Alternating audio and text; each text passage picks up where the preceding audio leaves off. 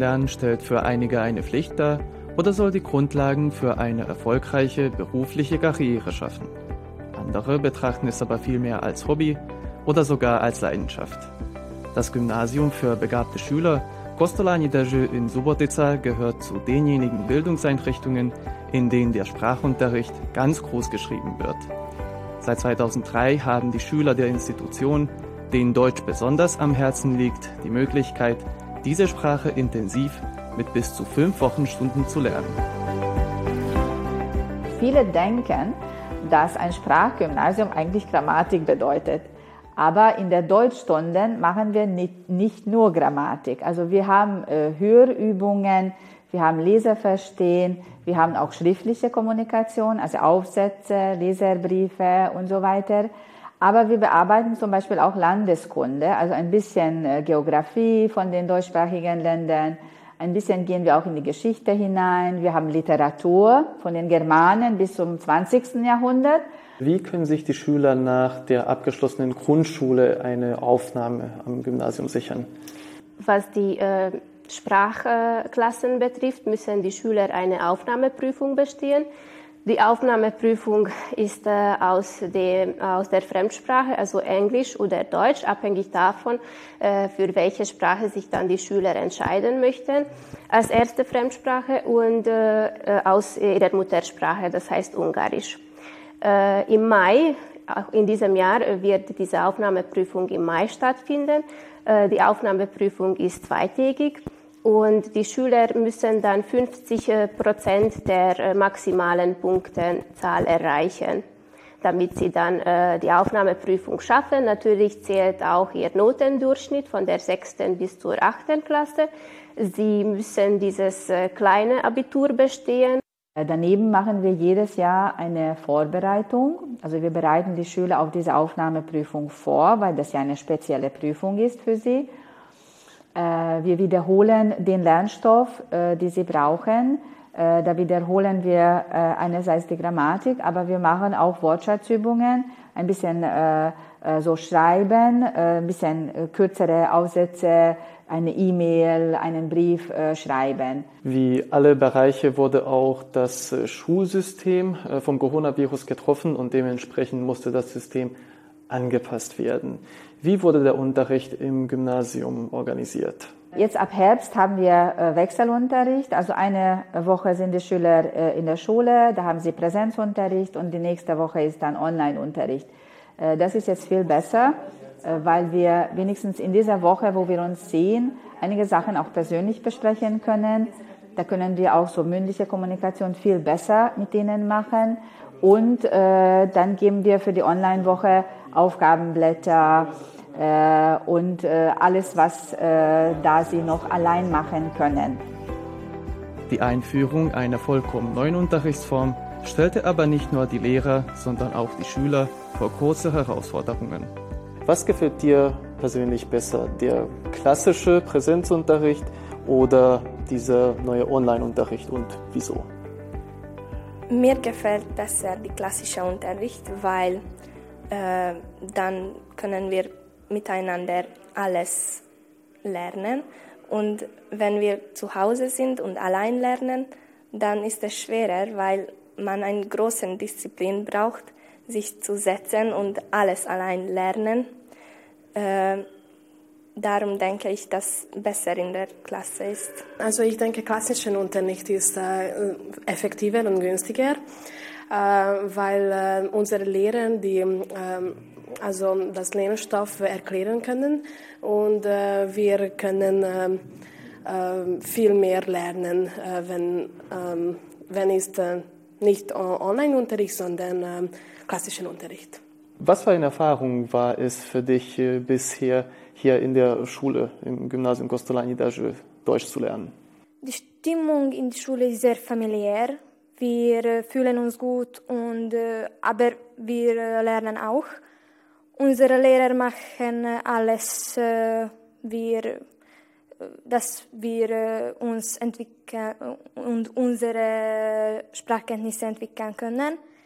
Wir äh, nahmen teil äh, an Wettbewerben und wir hatten viele Auftritte auch. Wir nahmen teil in äh, Oktoberfest und wir hatten einen äh, Auftritt hier in die Schule. Und was sind deine Pläne, nachdem du das Gymnasium abgeschlossen hast? Und äh, was für eine Rolle werden dabei die deutsche Sprache oder vielleicht auch die Germanistik spielen? Also ich vorbereite mich auf die medizinische Fakultät vor. Ähm, ich möchte in der Zukunft Logopädie werden. Also, aber ähm, vielleicht in der ähm, Zukunft äh, möchte ich, äh, möchte ich äh, Reiseleiter werden. Und äh, wo kann ich Deutsch oder Englisch ähm, nutzen? Germanistikstudium ist äh, natürlich auch eine Option. Zum Beispiel eine, als eine Lehrerin oder eine Übersetzerin äh, arbeiten. Vielleicht wäre auch für mich eine Option das Germanistikstudium. Ähm, aber ich weiß, dass Deutsch wird eine Rolle spielen da.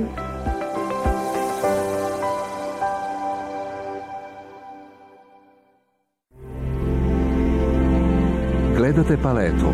Izbor iz emisija na jezicima nacionalnih zajednica.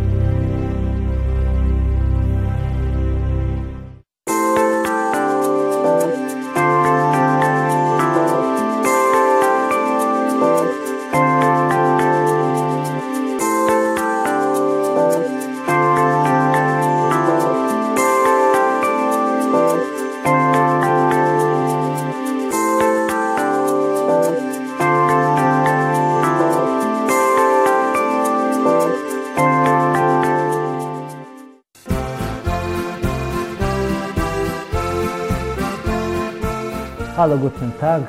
Ich möchte Sie alle herzlich begrüßen und willkommen.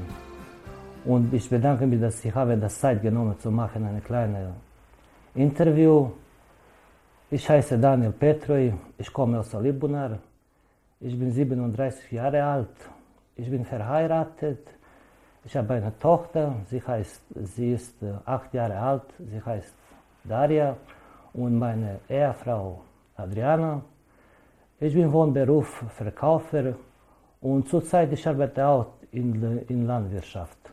Deutsch habe ich angefangen zu lernen in meiner Kindheit. Das erste deutsche Film, was ich habe gesehen, war mit äh, der bekannten Schauspieler Klaus Klinzi, der Sohn Gottes. Und die Sprache war für mich sehr interessant. Ich wollte, ich wollte mehr und mehr wissen. Ich war sozusagen neugierig. Und äh, dann ich habe gekriegt ein paar Bücher von meinen Freunden auch und Wortschatze und so hatte ich angefangen ein bisschen mehr und mehr zu wissen. Und in der Zeit, ich hatte sehr viele Freunde aus deutschsprachigen Ländern, aus Schweiz, Deutschland und Österreich. Und sie haben mir auch sehr viel geholfen, meine Sprachkenntnisse zu verbessern. Und was hat mich auch sehr viel geholfen, war ein besonderes Buch.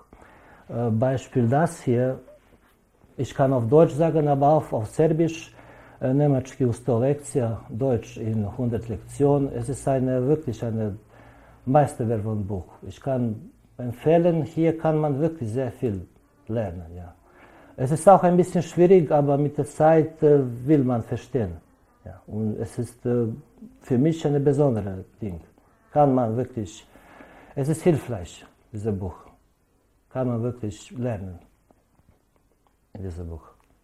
Das erste Mal Deutsche Minute habe ich äh, angeschaut, war im August und seitdem ich genieße immer zu anschauen Deutsche Minute. Hat mir sehr viel geholfen, nicht nur die deutsche Sprache zu beherrschen, auch zu entdecken viele neue verschiedene Bereiche, Beispiel über die donauschwäbische Kultur, und was hat mich sehr begeistert, ist die Donauschwäbische Museum in Sombor. Ich finde es wunderbar. Und auch sehr prächtig die Kirchmuseum in Apatin. Und auch die deutsche Gemeinde hier bei uns in Vojvodina, was ich finde sehr schön. Gibt es verschiedene Dinge, was kann man sehen mit Theater, Folklore und viele andere. Traditionelles Essen, und ich finde das sehr gut und auch sehr gut für die Zukunft. Und ich kann nur Deutsche Minute empfehlen, weil sie machen einen tollen Job und eine begeisterte Sendung. Ich kann nur das Beste sagen.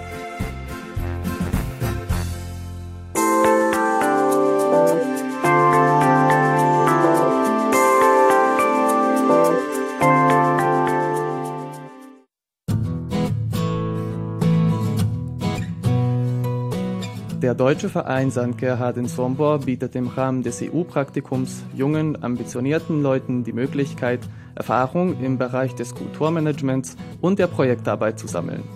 Die vom Bundesministerium des Innern der Bundesrepublik Deutschland geförderte Koordinierungsstelle gewährt den Bewerbern ein Jahr lang einen Einblick in die Tätigkeiten des Vereins, die sie auch aktiv mitgestalten können.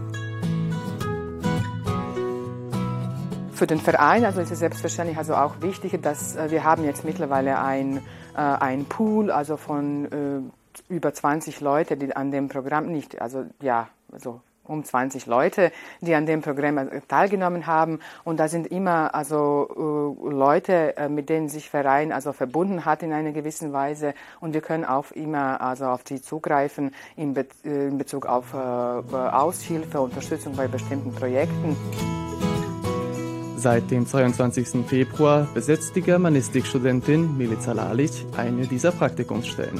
Und obwohl sie erst seit kurzem dabei ist, zeigt sie sich engagiert und hoch motiviert, um sich für die deutsche Minderheit einsetzen zu können.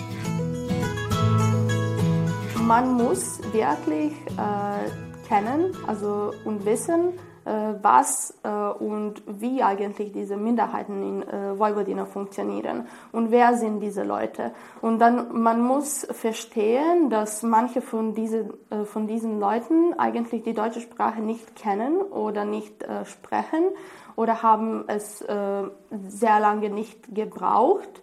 Und dann, es gibt auch viele Traditionen und Gebräuche, die man nicht vergessen darf und die man eigentlich pflegen muss. Und dann wir versuchen den jüngeren Leuten eigentlich das beizubringen.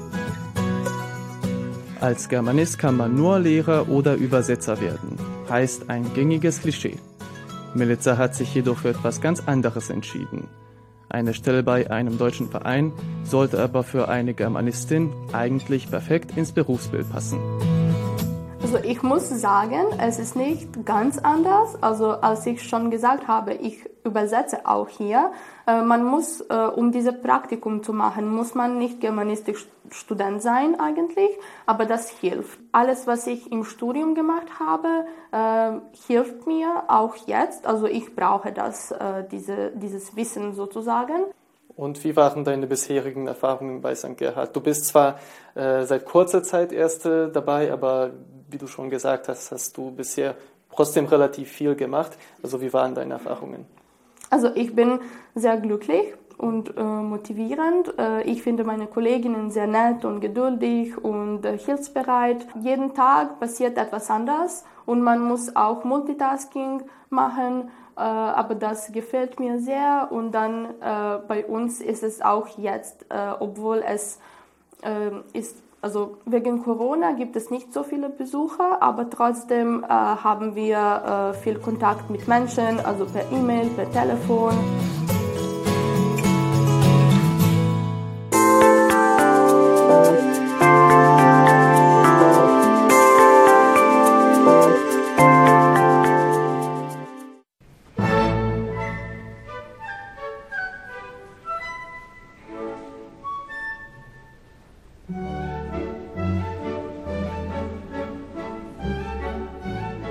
Wir befinden uns in Karlowitz im Heimathaus der deutschen Minderheit, besser zu sagen im Museum der deutschen Minderheit hier.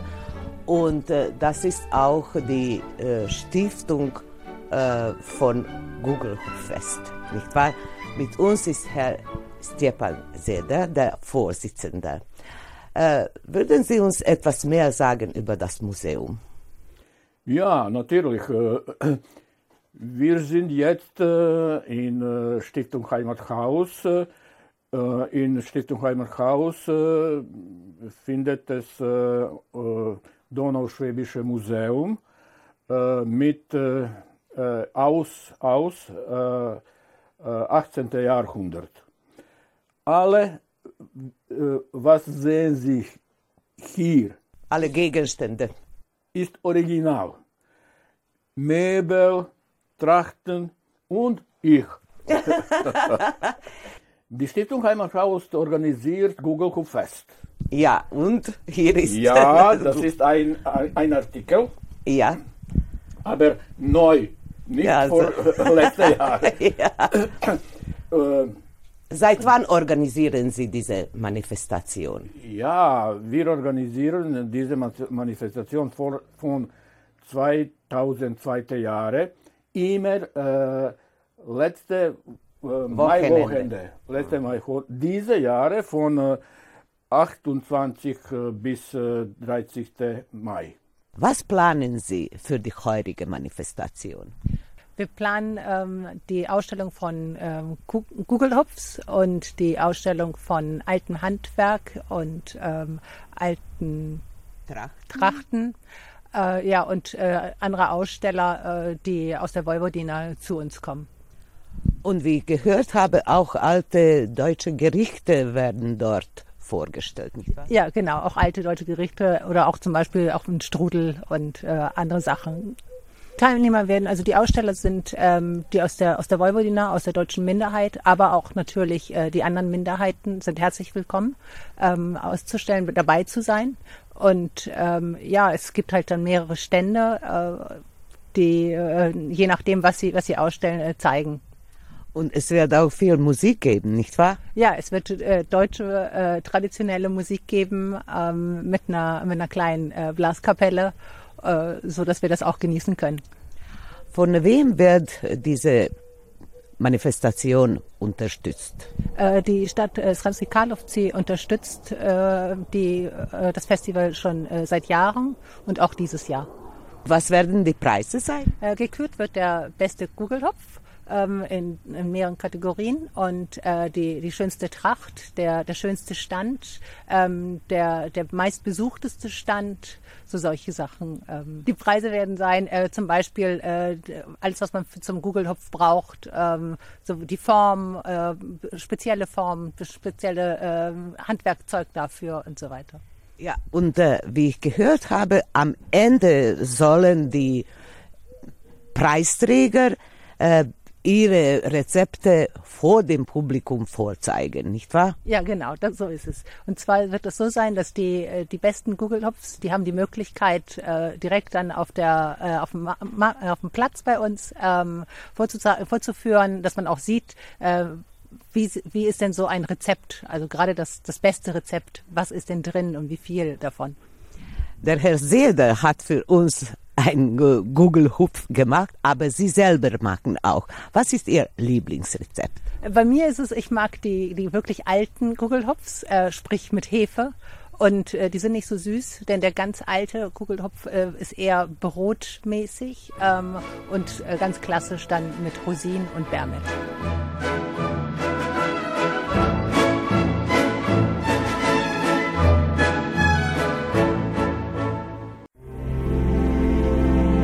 Gledate paletu. Izbor iz emisija na jezicima nacionalnih zajednica.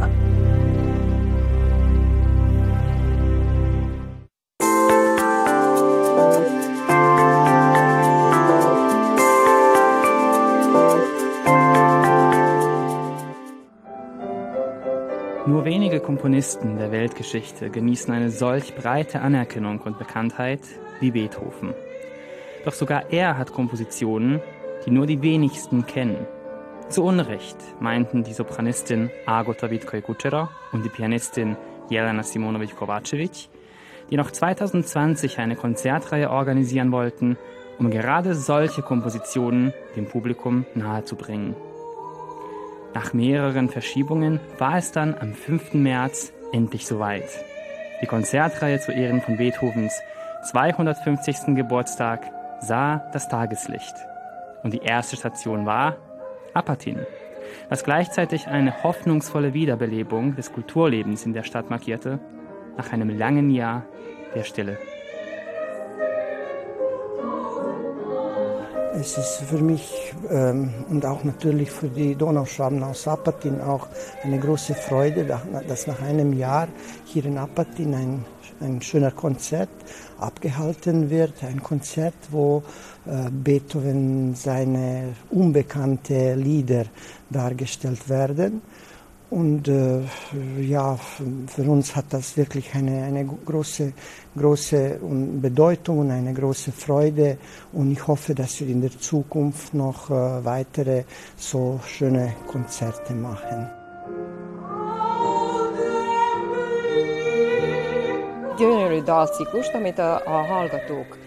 Das Publikum hatte heute die Gelegenheit, eine Auswahl von Beethovens Sololiedern zu hören, unter anderem einen wunderschönen Liederzyklus mit dem Titel An die ferne Geliebte.